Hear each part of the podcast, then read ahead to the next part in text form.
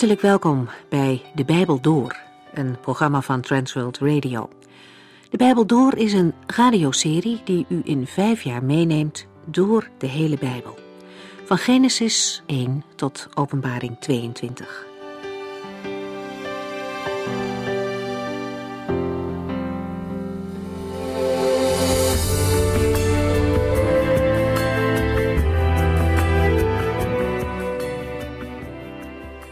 Fijn dat u vandaag met ons verder leest in de eerste brief van Johannes. We gaan naar hoofdstuk 3. Het laatste gedeelte van dit hoofdstuk gaat over het liefhebben van elkaar, met de nadruk op het liefhebben van medegelovigen. Als grote voorbeeld hebben we daarin natuurlijk de Heer Jezus, die zijn leven voor ons heeft gegeven. Hij kon zijn liefde niet meer bewijzen dan door voor ons te sterven.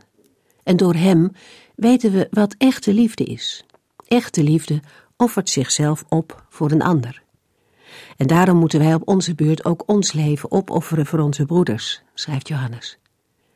In onze situatie zal dat niet gauw letterlijk voorkomen, dat we sterven willen ter wille van een ander, maar iemand zei eens: Het kan soms nog wel eens moeilijker zijn om elke dag voor een broeder te leven dan één keer voor hem te sterven. Dat laatste is natuurlijk wel heel moeilijk, maar het gaat erom dat ons leven steeds weer inzetten voor een ander ook niet altijd vanzelf gaat. Het valt ons niet zo makkelijk om onszelf op te offeren ter wille van de ander. En toch wordt echte liefde juist zichtbaar als het ons wat kost. En laten we niet vergeten hoe waardevol het voor God is als Hij ziet dat Zijn kinderen wat voor elkaar over hebben. Dat we niet ons eigen belang zoeken, maar gericht zijn op de ander. Voor aardse ouders is het al mooi om te zien dat kinderen vrijwillig iets goeds voor een ander doen. En in geestelijk opzicht is dat niet anders. Johannes laat ons ook zien dat liefhebben iets praktisch is. Liefde wordt zichtbaar in daden. Het is meer dan alleen mooie woorden spreken. Het heeft ook te maken met ons hart. Zetten we dat open voor een ander of sluiten we ons af? Als een rode draad loopt door de Bijbel het gebod van de Heer om elkaar lief te hebben. Dat was vanaf het begin af aan al Gods bedoeling. Hij geeft ons het voorbeeld met de bedoeling dat we dat navolgen. Liefde leren we kennen als we naar de Heer Jezus Christus kijken. Hij gaf zijn leven voor u, voor jou en voor mij. Als dat geen liefde is,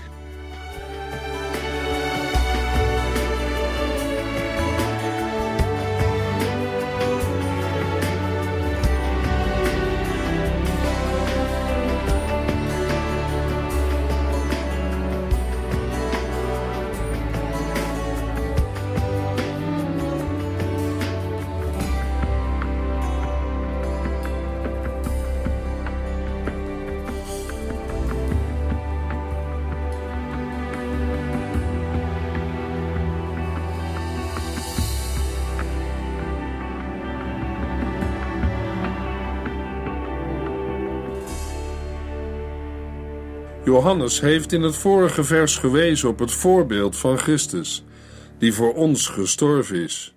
Juist daardoor weten wij wat echte liefde is. Daarom moeten ook wij ons leven opofferen voor onze broeders en zusters. En dat mag heel praktisch blijken in heel gewone dagelijkse dingen.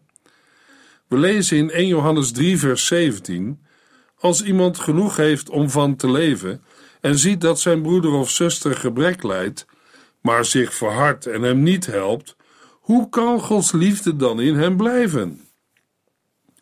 Johannes geeft in vers 17 een voorbeeld waar iedere gelovige mee te maken kan hebben. Voor de woorden genoeg hebben om van te leven staat in het Grieks een woord dat leven, levensonderhoud of vermogen betekent. Het heeft betrekking op alles wat gelovigen bezitten. Paulus schrijft over bezit en rijkdom aan zijn medewerker Timotheus in 1 Timotheus 6, vers 17 en 18.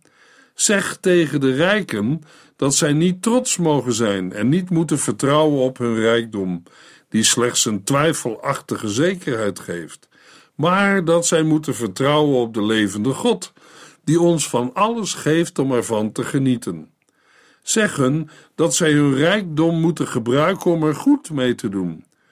Zij moeten rijk zijn in goede werken en met een blij hart geven aan mensen die gebrek lijden. Ze moeten altijd klaarstaan om alles wat God hun heeft gegeven met anderen te delen. Waar Johannes over spreekt, zijn de goederen van deze wereld, die als zodanig vergankelijk zijn.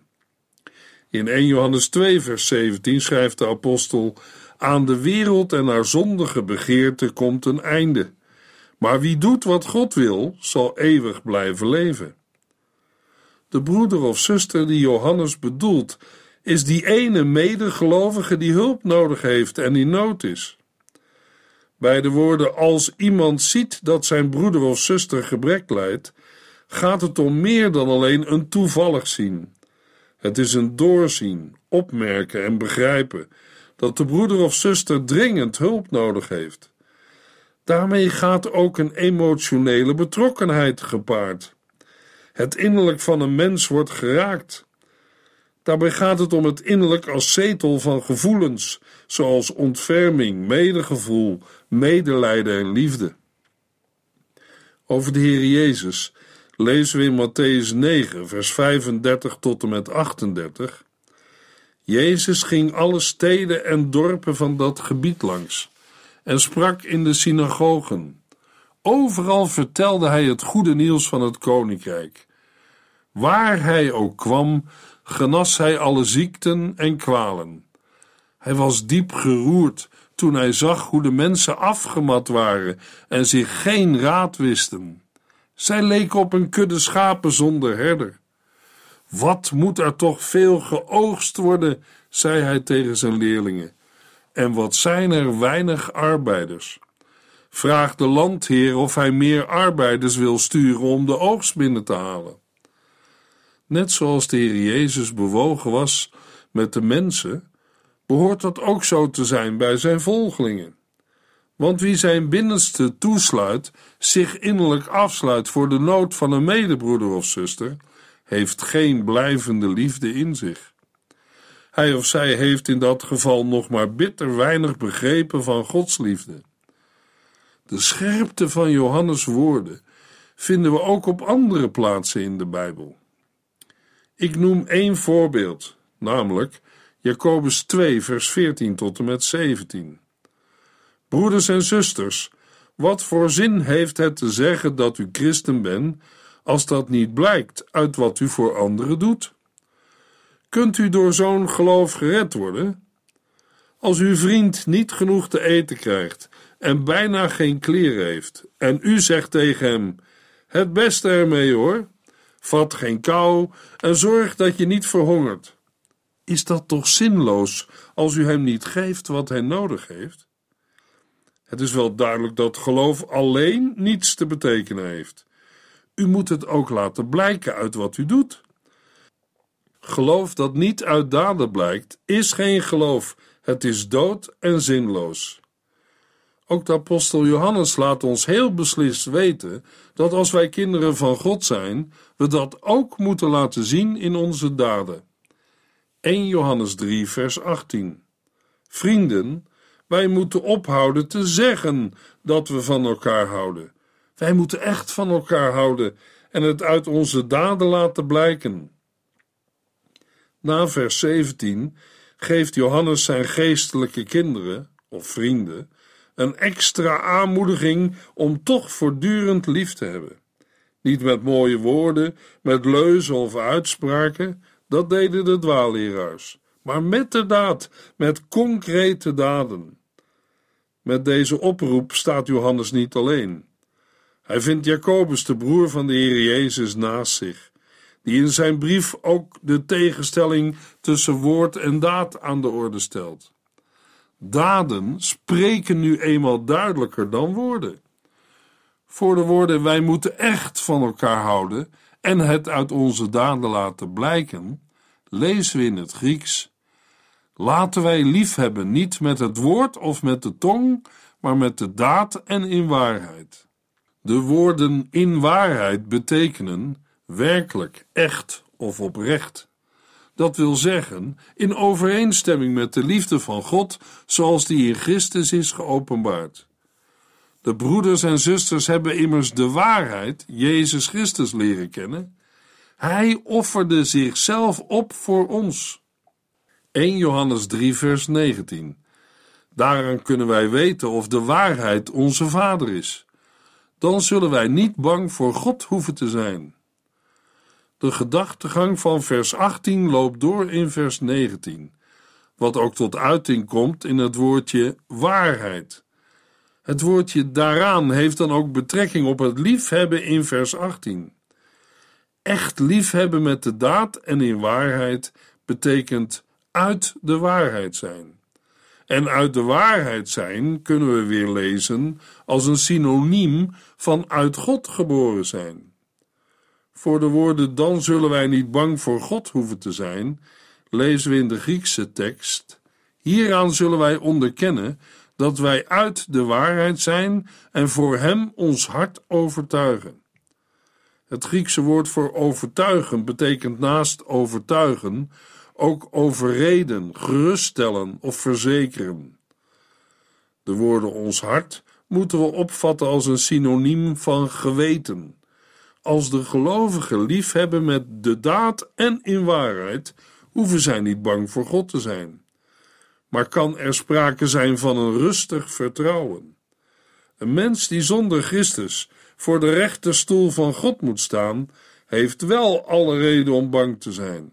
In 1 Johannes 4, vers 17 en 18 lezen we: Als de liefde in ons haar doel bereikt, kunnen wij vol vertrouwen de dag van het grote oordeel tegemoet zien, omdat wij in deze wereld leven zoals Christus er leefde. In de liefde is geen plaats voor angst, integendeel. De volmaakte liefde verdrijft de angst. Angst houdt altijd verband met straf.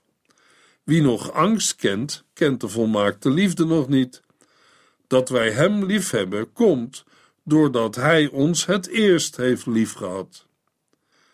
Luisteraar, kunnen wij de dag van het grote oordeel met vertrouwen tegemoet zien?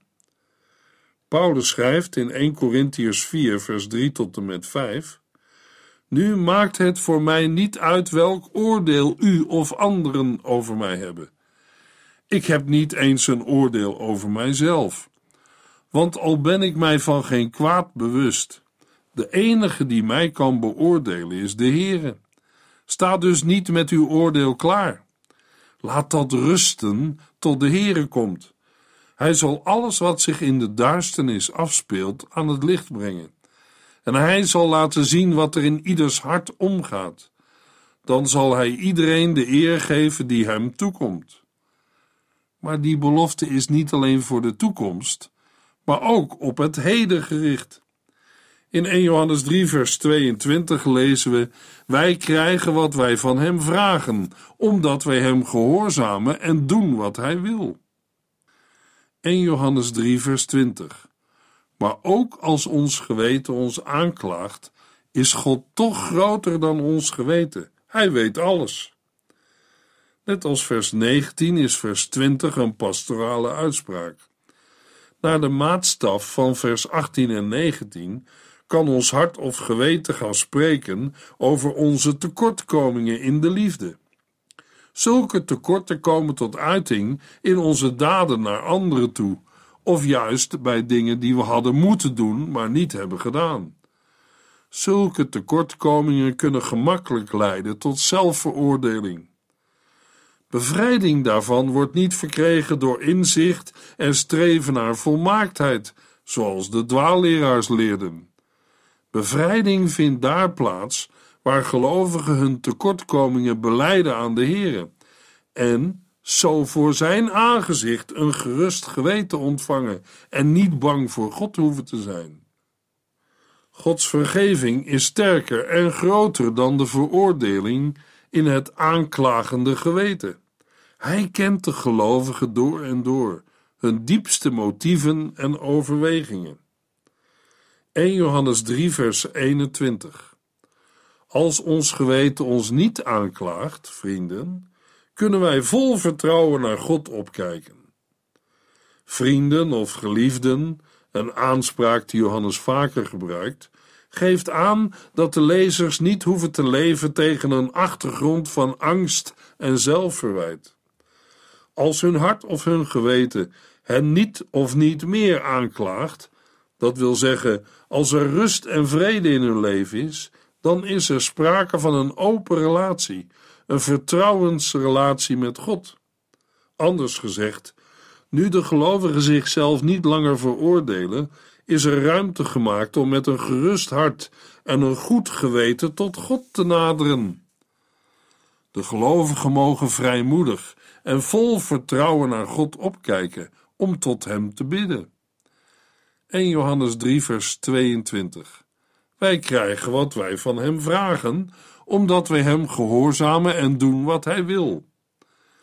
De vrijmoedigheid of het volle vertrouwen tegenover de Heere komt in vers 22 tot uiting in het gebed van de gelovigen. Het bidden staat onder de belofte van verhoring en die belofte komt van de Heer Jezus zelf.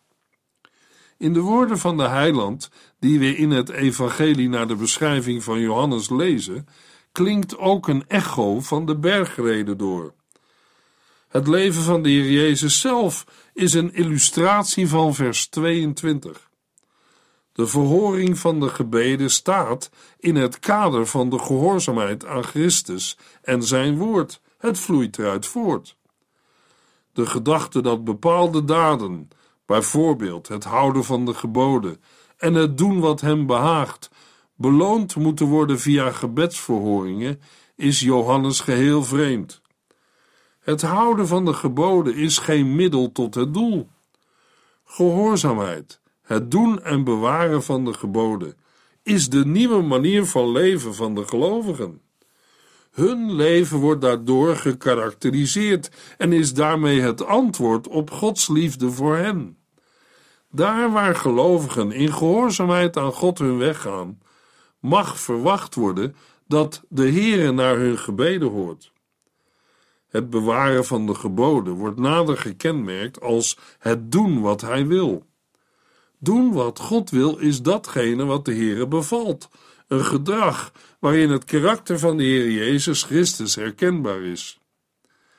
1 Johannes 3 vers 23 God vraagt van ons dat wij in zijn Zoon Jezus Christus geloven en dat wij van elkaar houden, zoals Christus ons heeft opgedragen.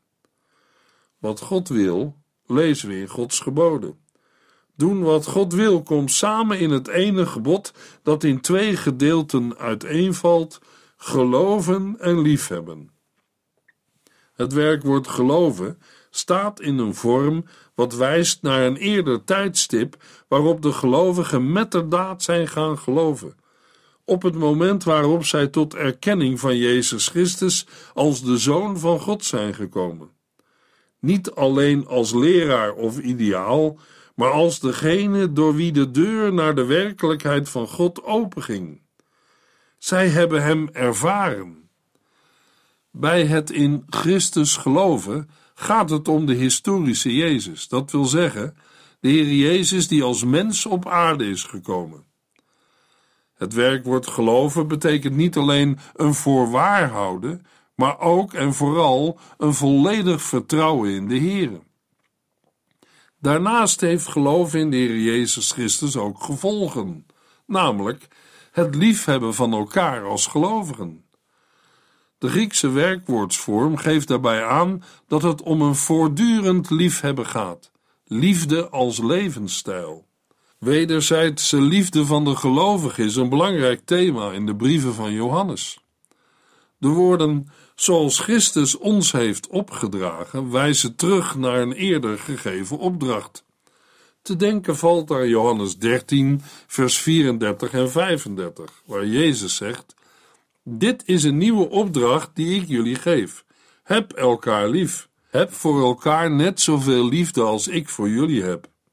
Aan de onderlinge liefde zullen de mensen zien dat jullie mijn leerlingen zijn. Johannes schrijft in vers 23: God vraagt van ons dat wij in zijn Zoon Jezus Christus geloven en dat wij van elkaar houden, zoals Christus ons heeft opgedragen.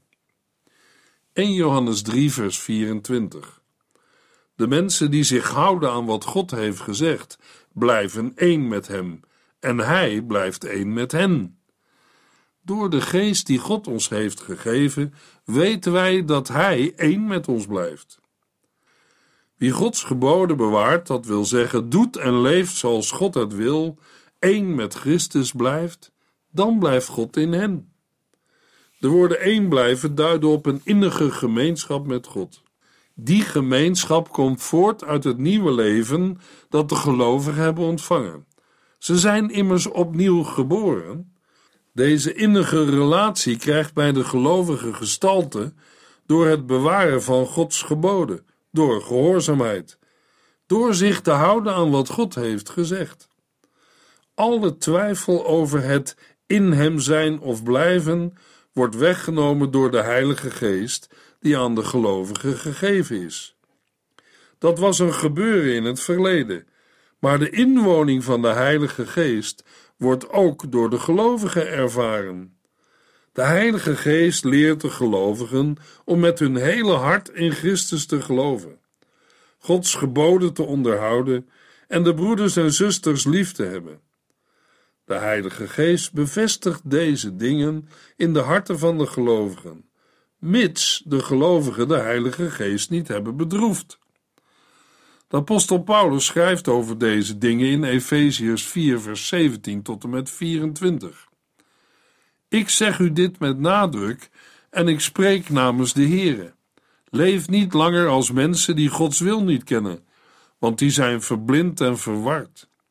In hun hart is het helemaal donker.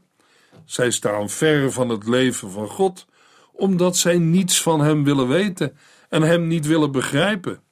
Het kan hun niet schelen of iets goed of slecht is. Zij trekken zich nergens iets van aan en worden voortgedreven door hun slechte gedachten en wilde begeerten. Maar zo heb u Christus niet leren kennen. Als u werkelijk zijn stem hebt gehoord en hij u de waarheid over zichzelf heeft bekendgemaakt, moet u uw oude menselijke natuur als oude kleren uittrekken uw vroegere manier van leven die te gronde gaat aan bedriegelijke begeerten. Uw denken moet grondig vernieuwd worden. Sterker nog, u moet een heel nieuwe mens worden die alleen voor God leeft, zuiver en goed. Trek een nieuwe natuur aan als een stel nieuwe kleren. Maar hoe brengt de mens dat in de praktijk? Wat? Nou, niet langer leven als mensen die Gods wil niet kennen. In het vervolg van Efeziërs 4 geeft Paulus daartoe een aantal praktische en concrete aanwijzingen. In Efeziërs 4, vers 25 tot en met 32 lezen we: Houd op met liegen. Vertel elkaar de waarheid, want wij horen bij elkaar en zijn delen van hetzelfde lichaam. Als u kwaad bent, laat dan geen wrok in uw hart opkomen, want dan zondigt u. Zorg ervoor dat u uw boosheid voor het einde van de dag weer kwijt bent. Geef de duivel geen schijn van kans. Wie een dief is, moet ophouden met stelen. Steek liever uw handen uit de mouwen en verdien eerlijk uw eigen brood. Dan kunt u nog eens iemand helpen die gebrek heeft. Laat er ook geen vuile taal uit uw mond komen. Dat doet alleen maar kwaad. Zeg op het juiste moment het juiste woord iets dat de mensen helpt en goed doet, zodat zij genade ontvangen. Doe de Heilige Geest geen verdriet. Hij staat immers borg voor u tot de dag van de volle bevrijding komt. Doe alle wrok, woede en haat uit uw leven weg. Vloek niet, maak geen ruzie en beledig elkaar niet. Vermijd alles wat slecht is. Wees in plaats daarvan vriendelijk en liefdevol voor elkaar.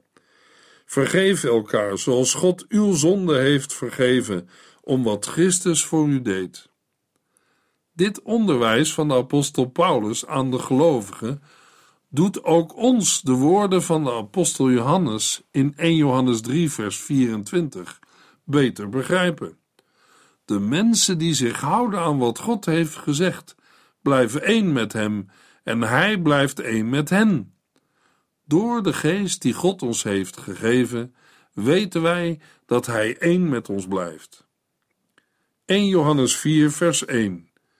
Vrienden, geloof niet iedere geest, maar ga eerst na of iemand door de geest van God bezield wordt, want er lopen nogal wat valse profeten op de wereld rond.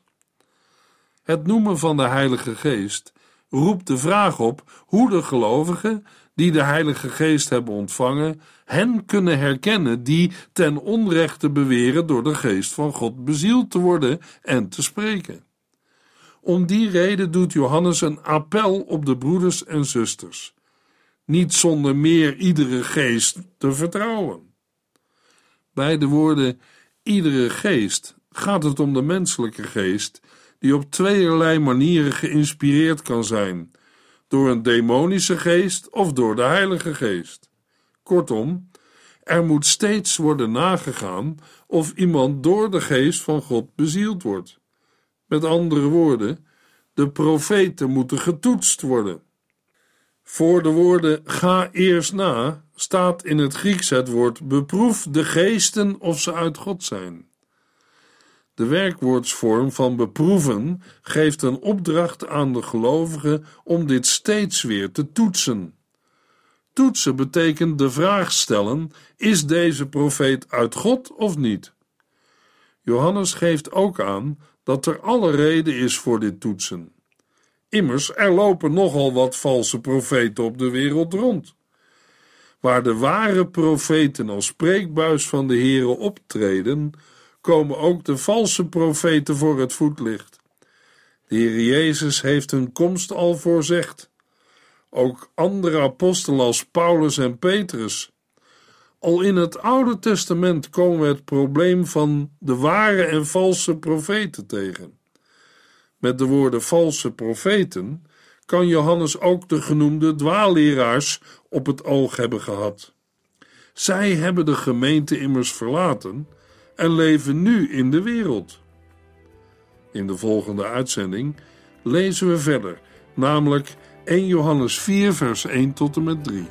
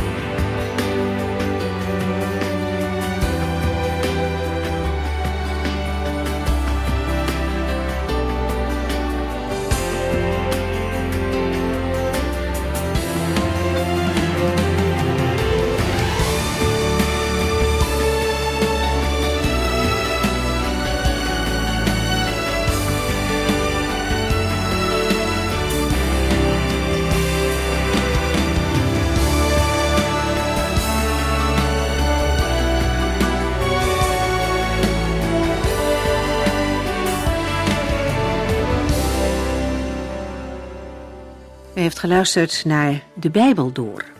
In het Nederlands vertaald en bewerkt door Transworld Radio. Een programma waarin we in vijf jaar tijd de hele Bijbel doorgaan. Als u wilt reageren op deze uitzending of u heeft vragen, dan kunt u contact met ons opnemen. Tijdens kantooruren kunt u bellen op 0342 47 8432. 0342 47 8432. 32. Ook kunt u een e-mail sturen naar de Bijbel door transworldradio.nl en natuurlijk kunt u ook via de post ons bereiken. TWR, postbus 371, postcode 3770, AJ in Barneveld. Dit programma werd gepresenteerd door Cor Weda en Ike André. Techniek was in handen van Odin van Woerdenkom. En namens ons allemaal bedanken we u van harte voor het luisteren.